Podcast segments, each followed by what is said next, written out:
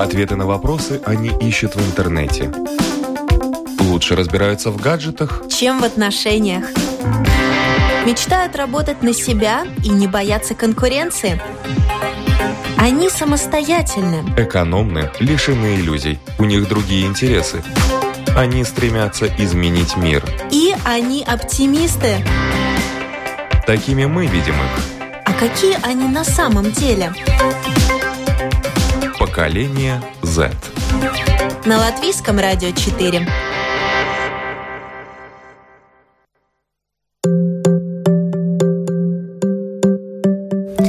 Здравствуйте, уважаемые радиослушатели. У микрофона Марина Талапина. За операторским пультом Катрина Брамберга. И э, музыкальный редактор программы Кристина Золотаренко. Сегодня в нашей программе, где главные герои молодые люди, э, мы будем говорить о шахматах.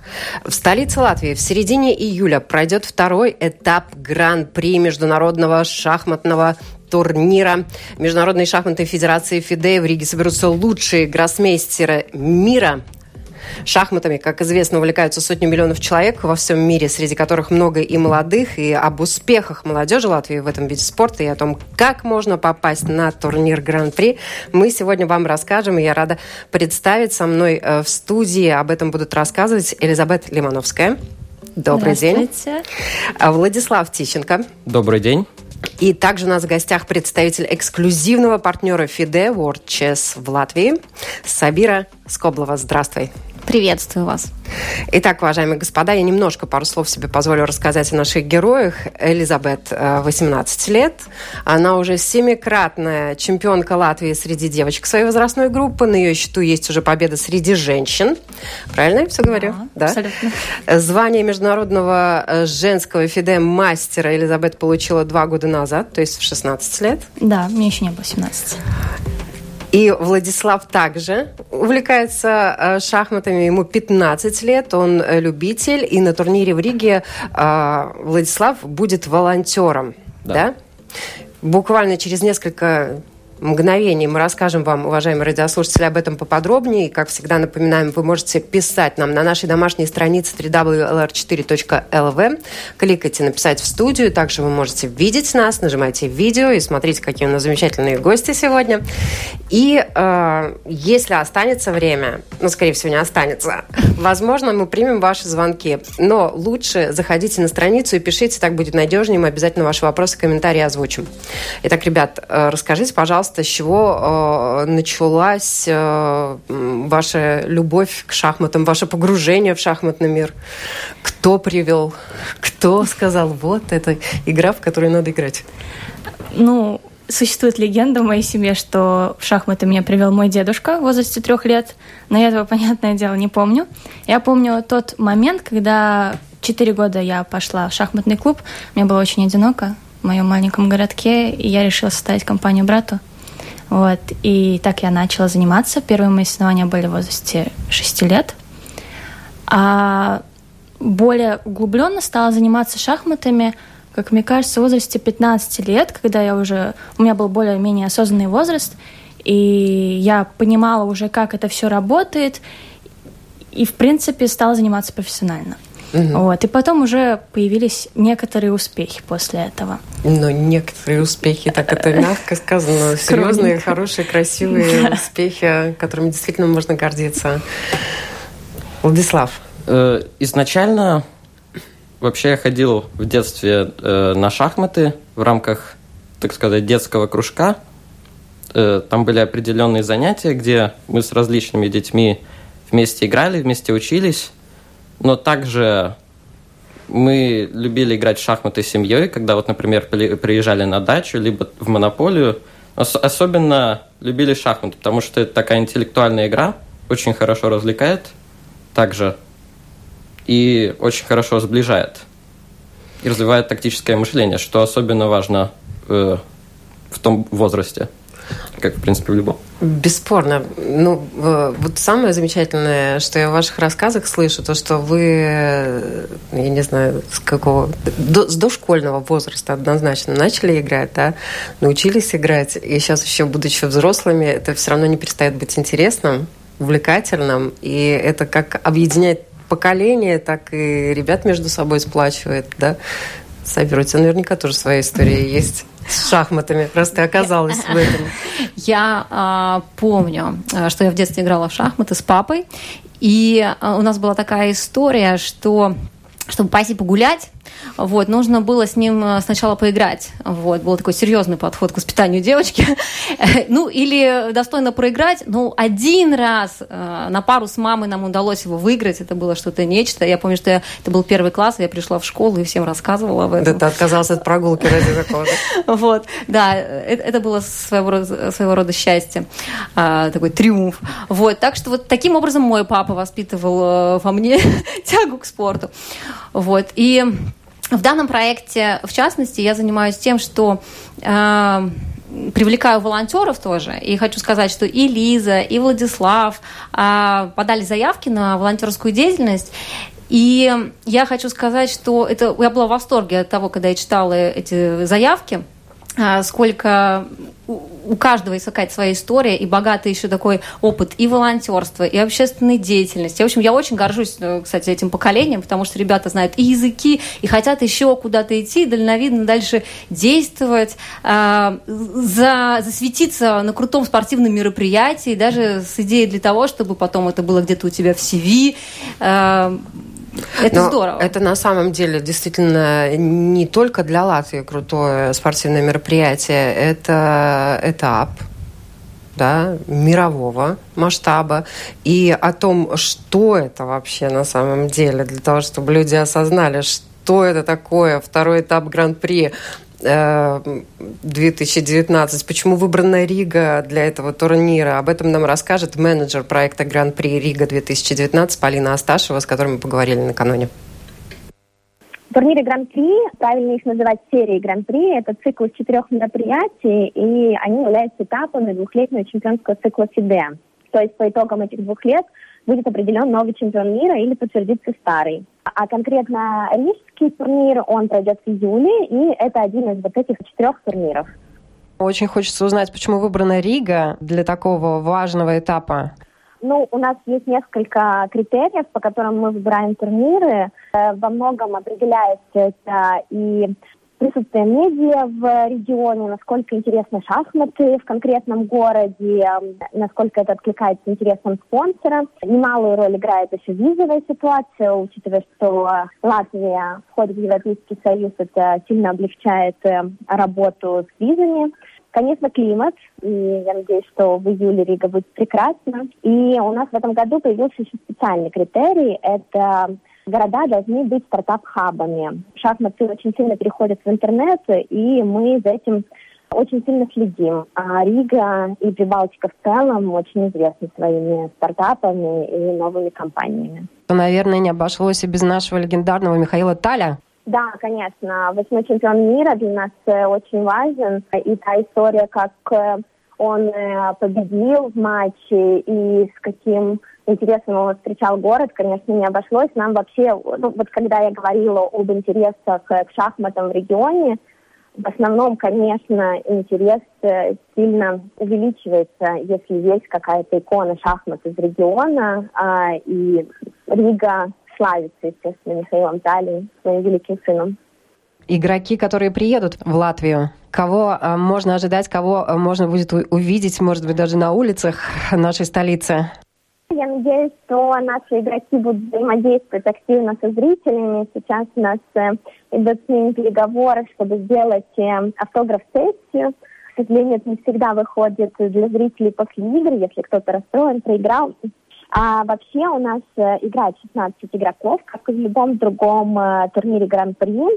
И из 11 федераций я могу говорить о Будраках бесконечно, очень восторгаюсь. Это действительно самые, на мой взгляд, умные люди планеты. Я бы выделила, наверное, несколько. Играет Василий Топалов, он был чемпионом мира Играет э, Даниил Дубов, это восходящая звезда шахмат. Он э, буквально недавно, вот этой зимой, стал чемпионом мира по быстрым шахматам. Александр Грищук, э, такой достаточно легендарный шахматист, он трехкратный чемпион мира по блицу. И играет еще Сергей Корякин.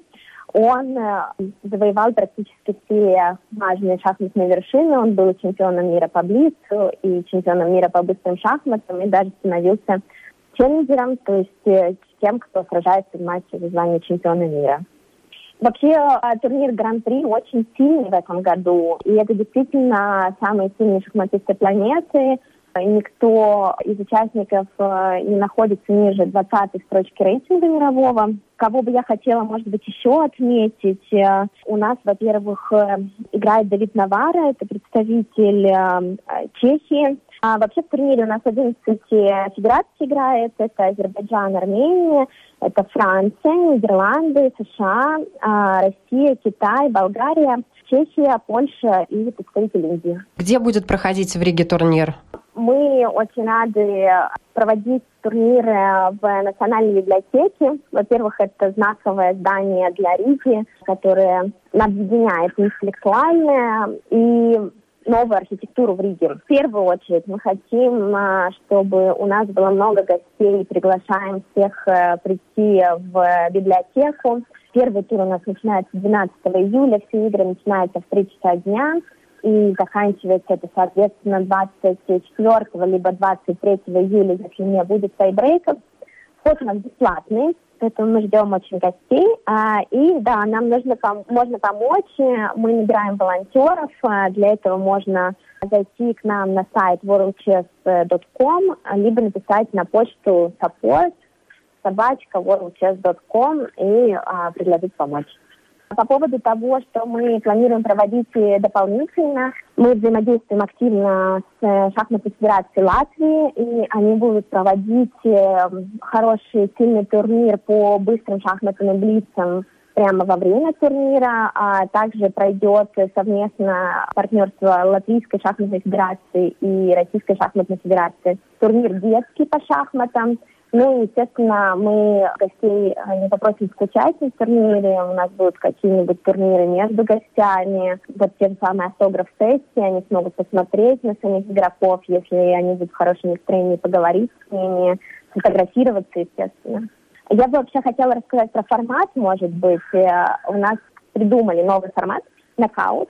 То есть система на вылет, и она стала такой очень важной в шахматах, потому что каждые три дня у нас э, появляются победители и проигравшие. Каждые три дня игроков становится в два раза меньше. Шахматы просто такой спорт на уровне гроссмейстеров.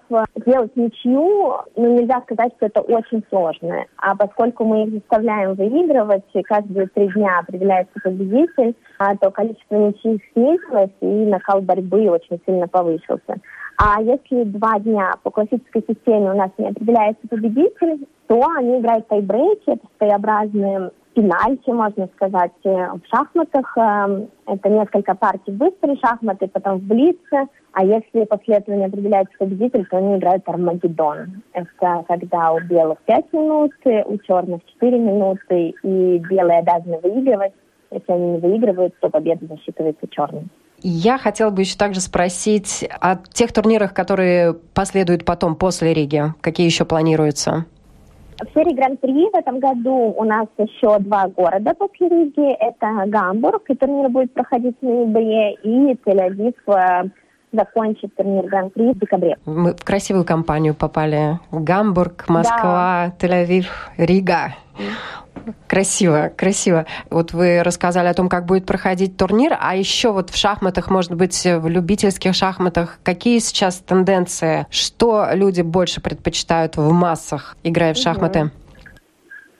Ну, вообще сейчас шахматы э, очень сильно молодеют, э, и очень сильно, конечно, на развитие шахмат повлияло развитие компьютера и компьютерных программ, и поэтому сейчас многие говорят, например, что текущие любители шахмат сильнее, чем э, чемпионы мира XIX века. Вообще, я сама занималась шахматами, знаю, что это тренирует э, с точки зрения образования, не тренирует усидчивость, стратегическое мышление, концентрацию, более того, один из э, наших участников предыдущего гран-при, он, например, написал кандидатскую э, по биологии о том, как влияют шахматы на детей.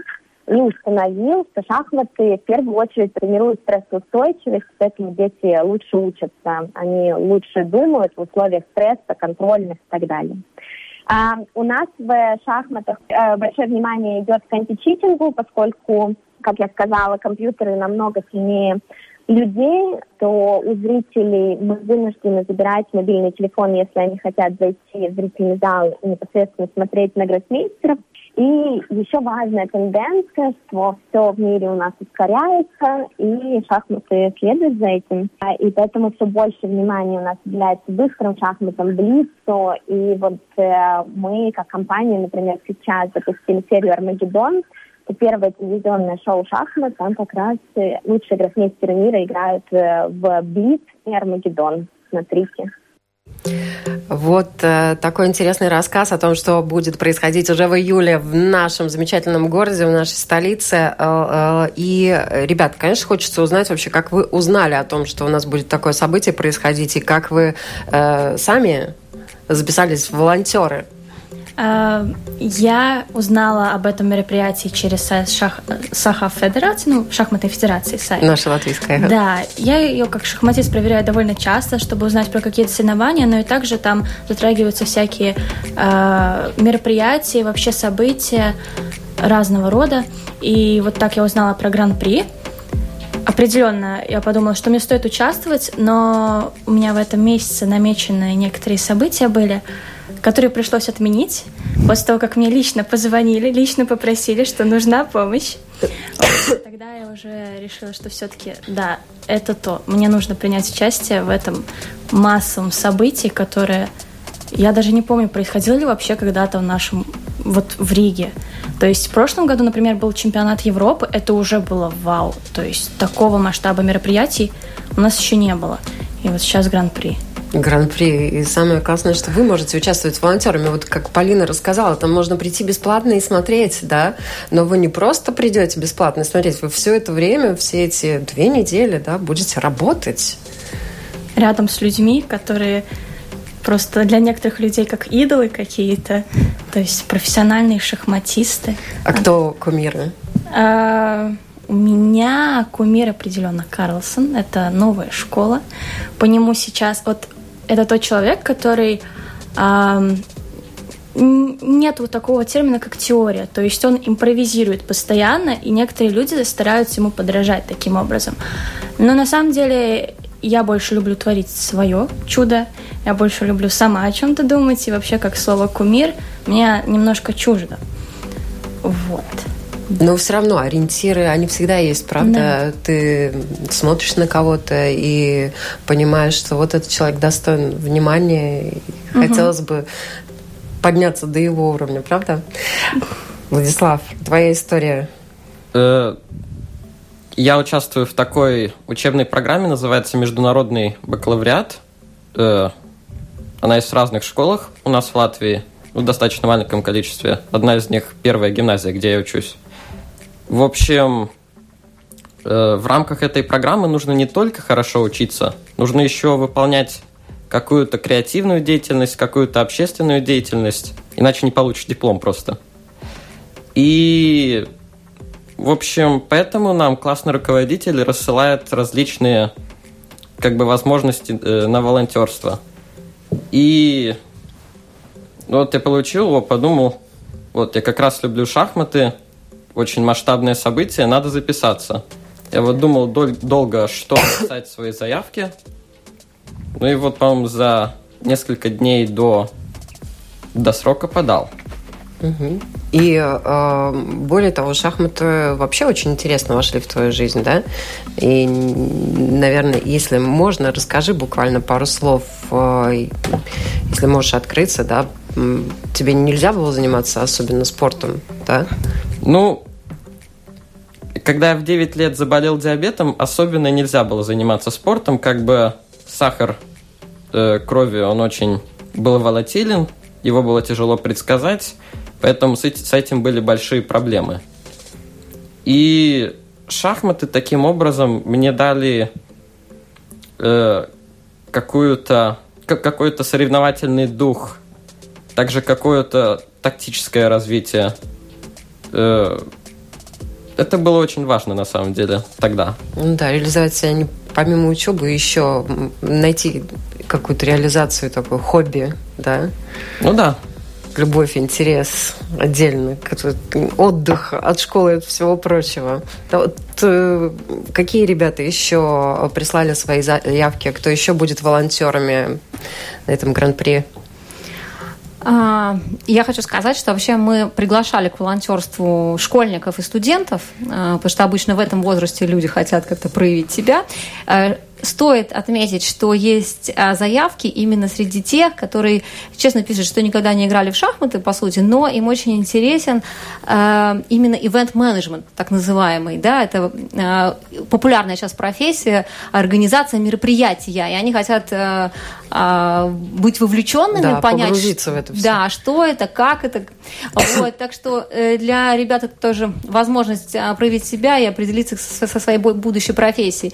Э, но что интересно, что Получаем также заявки не только от школьников и от студентов, но и от взрослых дядечек э, разного возраста, в том числе пенсионеров, э, фанатов, в общем, этого дела, которые просто так и пишут. Мне столько лет, я готов сделать все, я хочу быть просто тут, потому что я вот в восторге от того, что есть такая возможность э, быть с вами. И это здорово. И мы тоже таких людей решили брать, и тоже им найдем деятельность Пусть весь город, в общем, э, будет эти вовлечен. Да, пусть будет весь город Получается, вовлечен. вообще вся страна вовлечена, правильно? Елизабет из Даугавпилса. Да. Откроем секрет, да? И ты в этом городе научилась играть в шахматы и стала семикратной чемпионкой тоже. Проживая этап. Проживая этап, да. И вообще, что вам шахматы дают вот по жизни? Что они вам открывают? В чем они вам помогают? В чем они вам мешают, может быть, даже? Ну, если бы они мне в чем-то мешали, вряд ли бы я этим занималась. А так, на самом деле, я уверена в том, что, как любой вид спорта, шахматы я все-таки приписываю к виду спорта, он развивает личность, он развивает умение общаться с людьми, знание языка. Вот тоже хороший пример. Было... Существует такое мнение, что шахматы — это 40% психологии.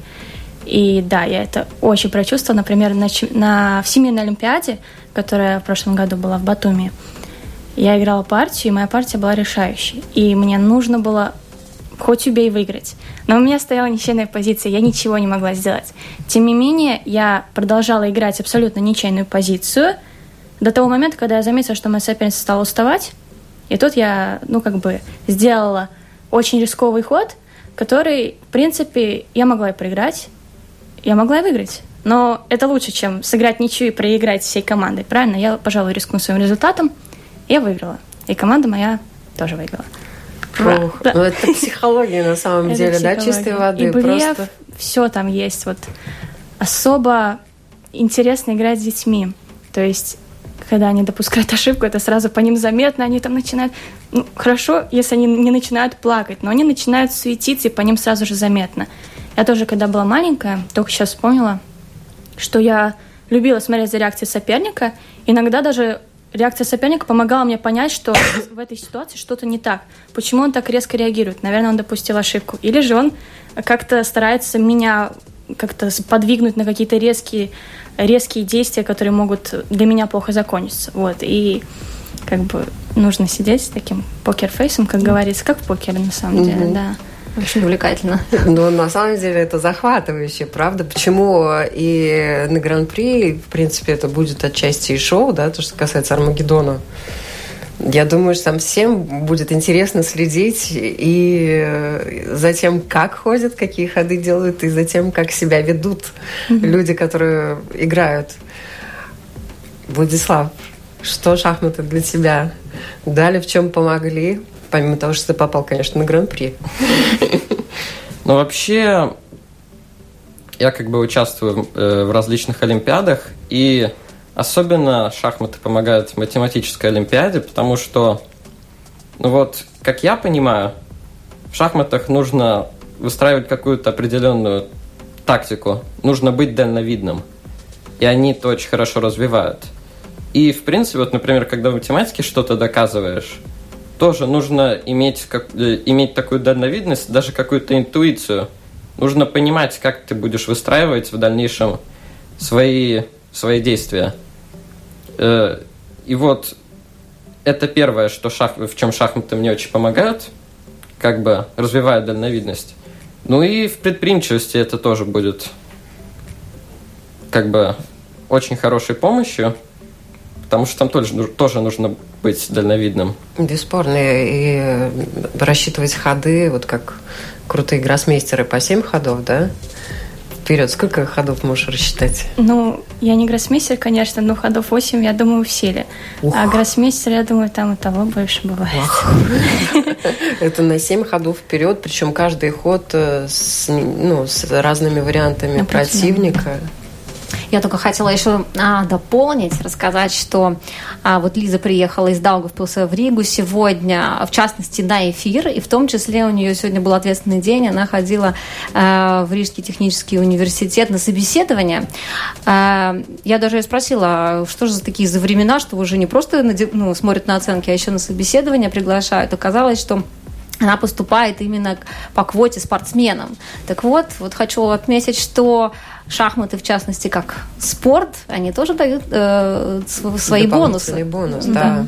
Сейчас уже у нас, как в Америке, да, больше внимания уделяется успехам в различных видах, и э, таких студентов в определенную касту, определенные льготы. Но ну, это действительно плюс большой. Это бесспорно шахматы развивают и интеллект, и э, мозг и так далее, но и это еще дает такой вот замечательный стимул, да? Это же стимул, да? Ну, это да, как дополнительный бонус получается. То есть из-за постоянных соревнований, то есть у меня, например, я в 12 классе училась, и в первом семестре меня не было два месяца из четырех. И как-то тяжело учиться хорошо, зная, что время поджимает. И я понимаю, что мне будет довольно тяжело идти вместе со всеми, у которых было больше возможностей себе как-то уделять внимание учебе, чем мне. И да, мне очень повезло, что есть такая дополнительная секция, как спортсмены. Прошу. Угу. Но тем не менее, конечно, шахматы это не тот вид спорта, который э, ну, все твое время настолько забирает. Ты все равно интеллектуально развиваешься. Да? да? Э, какую ты специальность выбрала? Я выбрала э, подраздел Э, проектирование, называется Siltuma Газес un ūdens технология. Ух, Очень интеллектуально. Это, но это на самом деле люди, которые снабжают теплом и электричеством. Да, но результат будет только 19 июня, поэтому лучше наперед все, не мы говорить. Пока, пока да, держим кулаки, чтобы у тебя все получилось, но все равно радует, э, что в твоей профессии шахматы бесспорно пригодятся на несколько шагов вперед, планирование, ну, это, это, и шахматы этому тоже учат. Думал ли ты вообще в 5-6 лет, что шахматы тебе так вот смогут помочь? Определенно нет. Я же вот уже... Я начинала с мысли о том, что мне скучно дома. И угу. вот во Пойду-ка я поиграю. Да, да, ну еще мне тоже родители всеми кулаками за меня были, когда я пошла на шахматы, потому что, как они мне потом признались через несколько лет, что они меня туда э, как раз-таки собирались направить, потому что у меня, как говорили на подготовке, проблемы с логикой. Я не знаю, что это значит, но получалось, что я не могла решить банально пример по математике. Ну, вроде бы сейчас проблем с математикой нет, но все равно я немножко не понимаю, что они подразумевали, проблемы с логикой. Вот это круто, на самом деле. Спасибо тебе огромное за такие красивые, честные откровения, потому что, ну, это подспорье. Э, уважаемые родители, если вам вдруг кто-то намекнул, что у ваших детей проблемы с логикой, начинайте с ними заниматься шахматами, отдавайте в шахматные секции кружки, и э, через э, энное количество лет они будут приходить в РТУ или в другие учебные заведения на собеседование, их будут брать брать по квотам в университет. Или вообще, да, можно стать чемпионом в своей стране. И чемпионом в своей стране, и чемпионом э, в регионе, и чемпионом в, на континенте, и чемпионом в мире. Да, я хотела сказать, что мы до эфира как раз с Лизой разговаривали, что это же не финиш в ее деятельности, она будет продолжать. И, как я поняла, в университете есть э, и, скажем так, кружок шахмат, и дальше она будет развиваться в да. этой сфере. Мне угу. сегодня на собеседовании сказали, что каждую неделю там будет что-то вроде сборов, где они будут просто напоминать себе, как двигаются фигурки. Ну, понятное дело, что я параллельно буду еще сама заниматься. А, и да, получается, спортсменов они будут поддерживать, они будут идти навстречу. То есть, если у меня будут какие-то соревнования, мне, возможно, отсрочат какую-то лабораторную работу. То есть, я смогу прийти попозже, написать без суеты какой-то, которая была угу. у меня в школе, например. То, что касается обучения шахматам, тренировки шахмат, Владислав, как вот это у тебя происходило? В 9 лет, как это происходит сейчас? Там больше, наверное, самостоятельной работы. Вообще, изначально я ходил на различные кружки, там вместе с ребятами играли в шахматы, устраивали какие-то турниры между собой. Нас, я помню, учили каким-то ходам, типа показывали какие-то задачки, но я ничего не понимал. Этюды. Задавали какие-то вопросы на историю, типа, если ты ответил, то у тебя 10 с плюсом, а если нет, то 10 с минусом. Э, с небольшим минусом. Ну, Далее э, я в школе уже занимался шахматами. Там мы тоже как бы между собой играли, но это было в основном более индивидуально. Э, в основном я как бы заметил, что э, если ты играешь в шахматы на любительском уровне, то хорошо, когда вот твой наставник, он ставит тебе цель, например, победить его, и ты ради нее работаешь. То есть упорно старай, э, вот, вот, например, много игр ты не можешь его победить, а потом, когда ты наконец смог его победить, у тебя такое, такой прилив уверенности и счастья. Вот. Э, а сейчас я в основном с компьютером играю э, на тактические задачи, чтобы, чтобы развивать эту дальновидность в основном. Угу.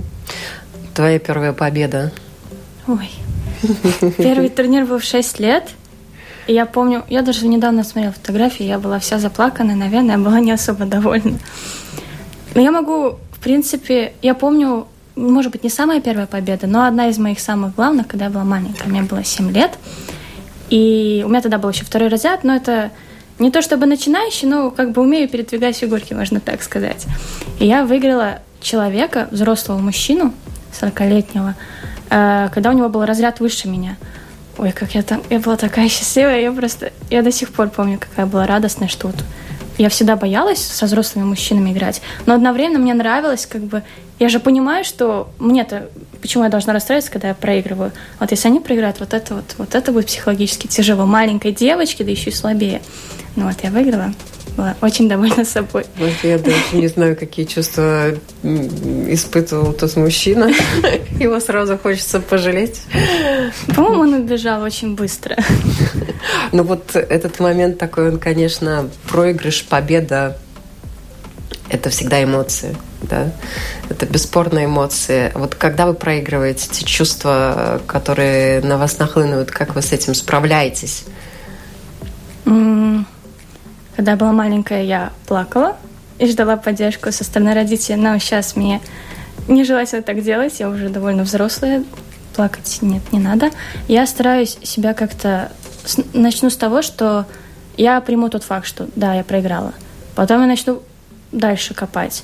Я понимаю, что ну, проиграла, а что я сейчас-то сделаю?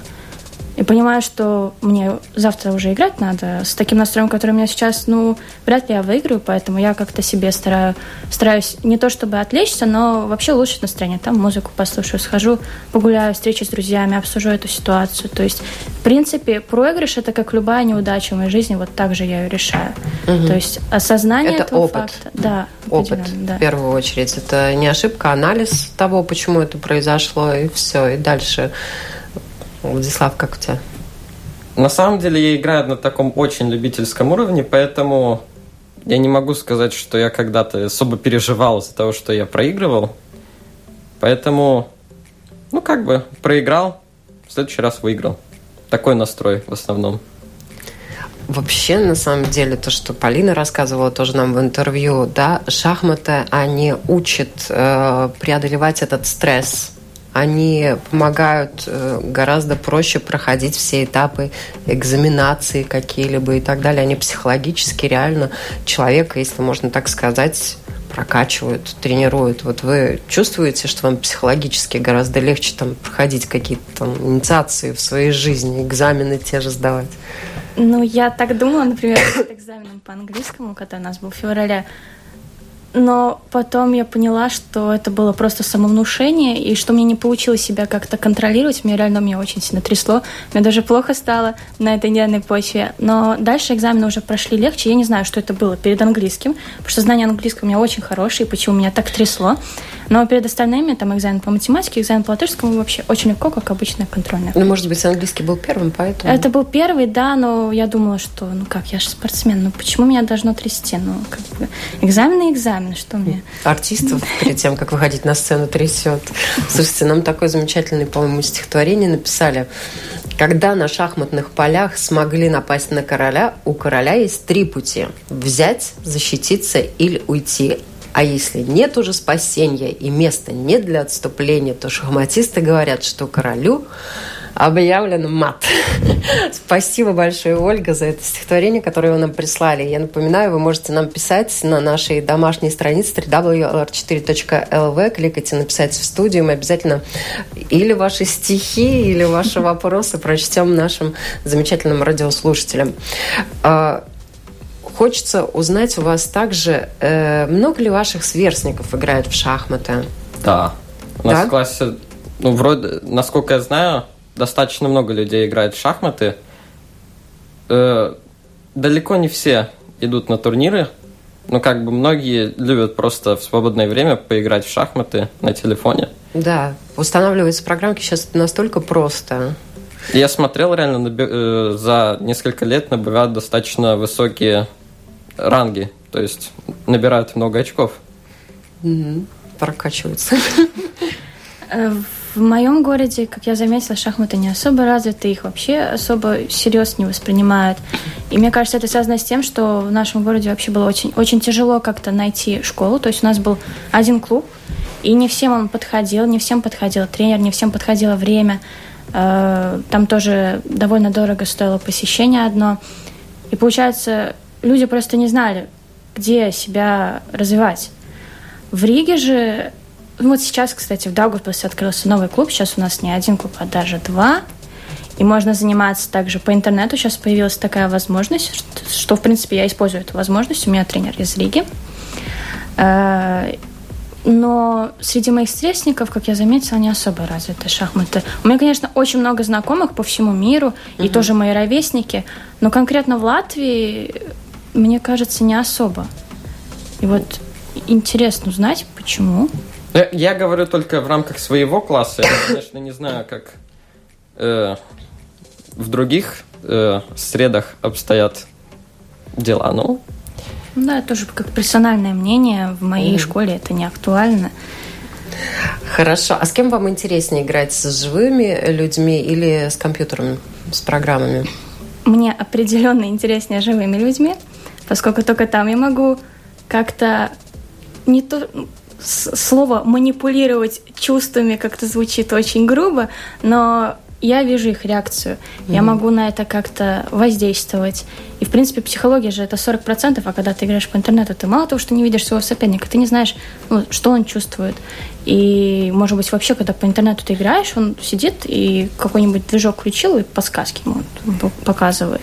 Ну, То есть я вообще не фанат играть по интернету, но иногда все-таки надо как-то тренироваться. Mm-hmm. А как ну, э,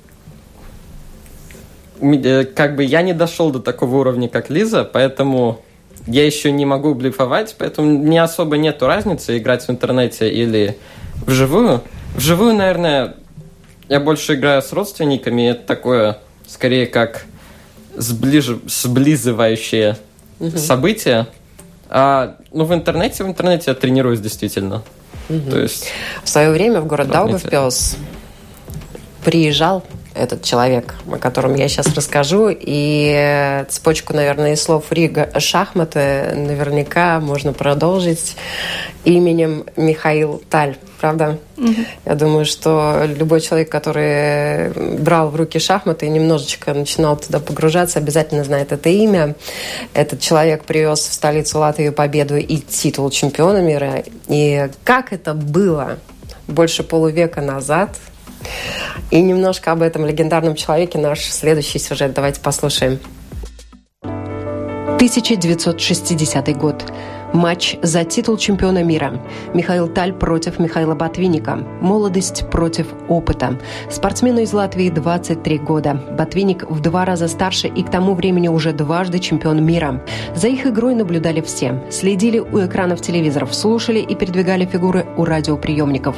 Большие шахматные доски, на которых можно было наблюдать, как разворачивается партия, стояли у памятника свободы. Поклонники классической игры считали, что агрессивный стиль мятежника из Риги разобьется о твердую логику и мудрость Ботвинника. Однако, несмотря на закалку, обретенную в сражениях с Ласкером, Капабланкой и Алехиным, шестой в истории шахмат чемпион мира не устоял. Шесть побед Таля против двух поражений при 13 ничьих. Таков был результат поединка. Тогда Михаил Таль стал самым молодым чемпионом мира. Поздравления! Лавровый венок. В Риге так никого никогда не встречали. Вокзал от перрона до площади был переполнен людьми с цветами. Михаилу Талю не дали ступить на родную землю. У железнодорожного вагона его подхватили на руки и понесли к машине. Затем воздух поднялся и автомобиль с чемпионом. Было безмерно приятно, голова от такого грандиозного приема у Таля могла закружиться, но он себе этого не позволил, говорит сам Михаил Таль. Честно говоря, я не думаю, что был, так сказать, тогда вульгарный случай звездной болезни. Дело в том, что мне очень нравилось и нравится играть, мне очень нравилось и нравится выигрывать. Но играть мне все-таки нравится больше. Матчу 1961 года я оказался подготовленный значительно хуже Михаила Моисеевича Ботвинника. Короче, если бы молодость знала, если бы старость могла. Но э, как раз меня моя шахматная судьба очень баловала на самые неожиданные результаты. И это не кокетство, но мне кажется, удавалось как-то переносить и приятные, и неприятные удары судьбы достаточно спокойно. Удачи же бывают совершенно разные. Таль продемонстрировал абсолютно новый стиль игры. Мягкий и обаятельный, вежливый и деликатный в жизни, за доской настоящий Мефистофель. Он играл в нечеловеческой манере, говорил известный шахматный комментатор, гроссмейстер Сергей Шипов. Сверкая очами, видел то, что смертному не подвластно, нарушал все, что можно, жертвовал направо и налево, уводил соперников в сторону от привычных ориентиров и рвал их на части. За вид Таля во время партии его называли «пират из Риги», «разбойник с большой дороги». Иногда Таль выигрывал, казалось, проигрышные партии, тогда его называли «любимец счастья».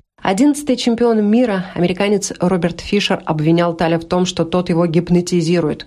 На эту тему мне говорить э, достаточно сложно, поскольку мои спортивные результаты достаточно ярко показывают, что если я гипнотизер, то гипнотизер на пенсии и реальной опасности для окружающей среды не представляю. Если только партнер сам не захочет быть загипнотизирован.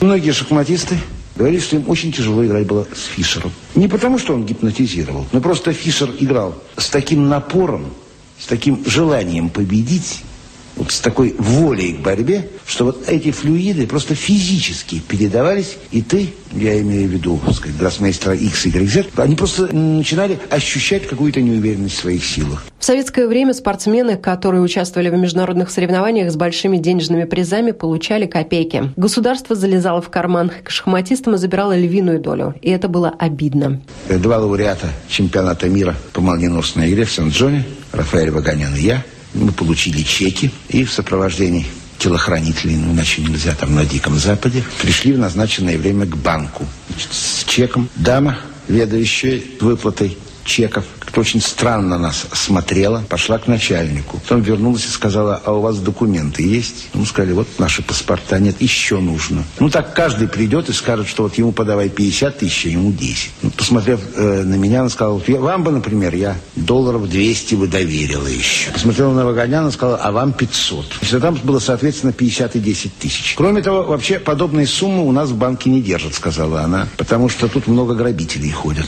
Ну, в общем, короче говоря, приз этот вручали нам часов пять. Вмешались представители консульства. Телефонные переговоры с тем, что мы именно это те, за кого себя выдаем, при всем при том, что директор банка сам внимательно следил по телевидению за ходом матча. Мы получили приз. Этот приз был заперт в моей комнате вместе со мной. Поэтому в этот вечер я не мог выйти из Монреаля погулять, а на следующий день этот приз был благополучно доставлен в Москву. Здесь он нашел хозяина. Михаил Таль был в приятельских отношениях с Владимиром Высоцким, который упомянул шахматиста в своей песне. Таль не любил играть по переписке, тогда это был один из способов игры в шахматы, и не любил играть в пустом зале. К шахматам относился как к искусству, к поражениям философским. Мне очень близко именно ощущение партнера – понимаете, ощущение соприкосновения. А вот когда ты пишешь, все равно не получается. Кроме того, у меня ужасный почерк. В шахматах все-таки особая статья. Ведь шахматист во время партии находится в совершенно уникальном положении. Он автор, его сценарий, его либретто. Он исполнитель, он критик. Такое триединство. Очень не люблю играть в пустом зале. Зритель нужен. И когда я в форме, шум в зрительном зале не нравится. Шум, значит, это реакция зрительного зала. Когда я не в форме, я чувствую просто, это я чувствую по своей реакции. Если это помехи, значит, я не в форме. Ну, знаете, шахматист так устроен, что все, что найдено, найдено закономерно. Все, что потеряно, потеряно нелепо. И если турнир закончился неудачно, то виноваты все. Виновата погода, или слишком жарко, или слишком холодно. Виновата страна, или слишком правый строй, или уж какой-то архилевый. Э, виноваты судьи, виноваты фигуры. Конечно, виноваты партнеры, бесспорно виноваты зрители, и никогда э, ни в чем ты сам не виноват. Это не только моя история болезни, это история болезни всех нас. Михаил Таль родился в Риге и любил этот город. Его приглашали на Запад, в Израиль, в Штаты, но переезд из Союза даже не рассматривался. Ни за какие деньги. Таль бывал в разных странах и всегда возвращался домой к нам в Латвию, как вот э, приятно, что к нам немножечко даже можно, так сказать, проностальжируем, и э, такой виток делает гран-при, да, такой подарок напомнить и про Тали, и про то, что шахматы — это крутая игра, в которой могут играть все от мала до велика. Лиза рассказала очень интересную историю про Михаила Талия. Да, то, что, несмотря на то, что Михаила Талия с нами уже нет, но, тем не менее, его шахматы по-прежнему актуальны среди моих сверстников, и даже люди из других стран, они его вспоминают как икону шахмат. Да, фанатеют от него. Да. В Италии есть фанаты, соответственно, еще раз напоминают о Латвии и о Риге. Это да. здорово. Э, мне очень, а, меня очень зацепило вот в этой вот подборке о том, что Михаил Таль, он не любил играть в пустом зале. Поэтому вообще всех хочу призвать. Давайте нашим спортсменам, гроссмейстерам, которые приедут в Ригу, подарим тоже удовольствие играть в полном зале. Приезжайте с 12 по 24 июля в Латвийской национальной библиотеке. Э, мы вас ждем как зрителей.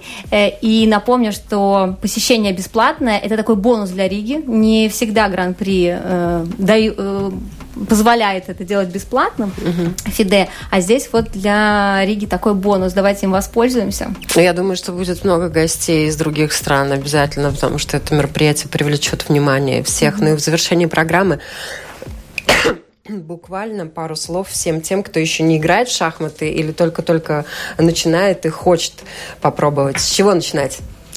Принять тот факт, что победа это, конечно, приятно, Поражения бьют иногда по самолюбию, но тем не менее их роль очень важна. Вот даже мне всегда говорили, я этого не понимала раньше, но сейчас я понимаю, что даже поражения они более важны, чем победа. То есть это развивает тебя как личность, и ты умеешь реагировать на любые ситуации. Владислав. Тем, кто не играет, обязательно начинайте. Это вам очень поможет в жизни. Э, возьмите эту подписку в онлайн-сервисе, там, не знаю, сходите в клуб, вы об этом не пожалеете. Тем, кто только начинает, если вы проигрываете, то не расстраивайтесь. Проигрыш – это показатель стремления к цели, особенно реакция на проигрыш. Сабира. А следите за Гран-при в ринге, следите в социальных сетях, в новостях. А, уже ближе к мероприятию во время его мы планируем проводить различные конкурсы также для людей, да, вовлекать в этот спорт, а, вовлекать в это мероприятие. У вас есть возможность э, тоже выиграть ценные призы. А, например, какие-то вещи, подписанные самим чемпионом Э, мира по шахматам. Ну, и глядишь, можно будет с чемпионами прямо на улице встретиться и поиграть э, в Верманском парке, как это было раньше, да. Я думаю, что в июле... Да, и деньги, может быть, тоже. Ну, ладно, всех секретов не будем раскрывать. Я благодарна нашим гостям. Напоминаю, у нас сегодня о шахматах э, в эфире говорили Элизабет Лимановская, 18 лет, семикратная чемпионка Латвии среди девочек и уже победа победа среди женщин за ней. также Владислав Тищенко и Сабира Скоблова. Спасибо большое, что были с нами. Всем хорошего дня. До свидания. Спасибо. Ответы на вопросы они ищут в интернете. Лучше разбираются в гаджетах, Чем в отношениях? Мечтают работать на себя и не бояться конкуренции? Они самостоятельны. экономны, лишены иллюзий. У них другие интересы. Они стремятся изменить мир. И они оптимисты.